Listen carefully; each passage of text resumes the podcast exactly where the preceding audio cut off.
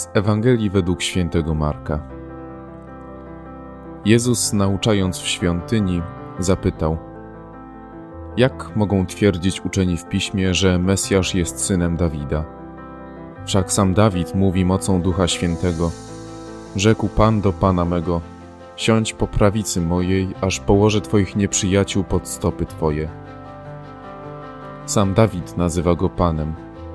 Jakże więc jest tylko jego synem? A liczny tłum chętnie go słuchał.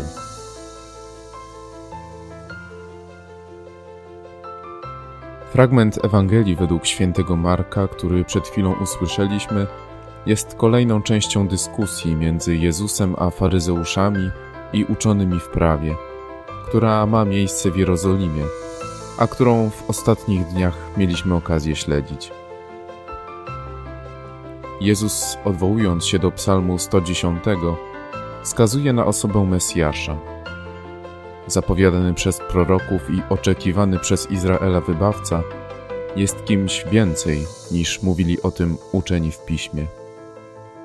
Podczas gdy oczekiwali oni szczególnego człowieka, który wyzwoli naród z rzymskiej okupacji, Chrystus wskazuje, że będzie on kimś więcej, skoro sam król Dawid nazywa go Panem, który zasiądzie po prawicy Boga. To, co było zapowiadane i oczekiwane przez pokolenia, spełniło się w Jezusie. Syn Dawida, pochodzący z jego rodu, a równocześnie wcielone słowo, przyszedł, by odkupić ludzi.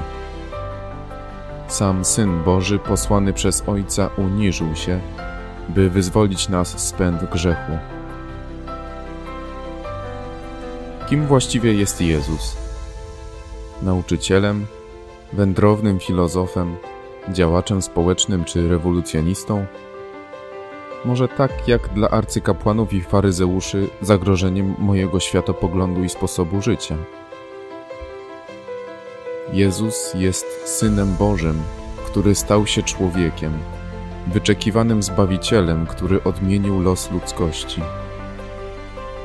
Chrystus jest także tym, który mnie wybawił i ocalił, moim Panem i Zbawicielem. Jemu wraz z Ojcem i Duchem Świętym niech będzie cześć i chwała teraz i na wieki.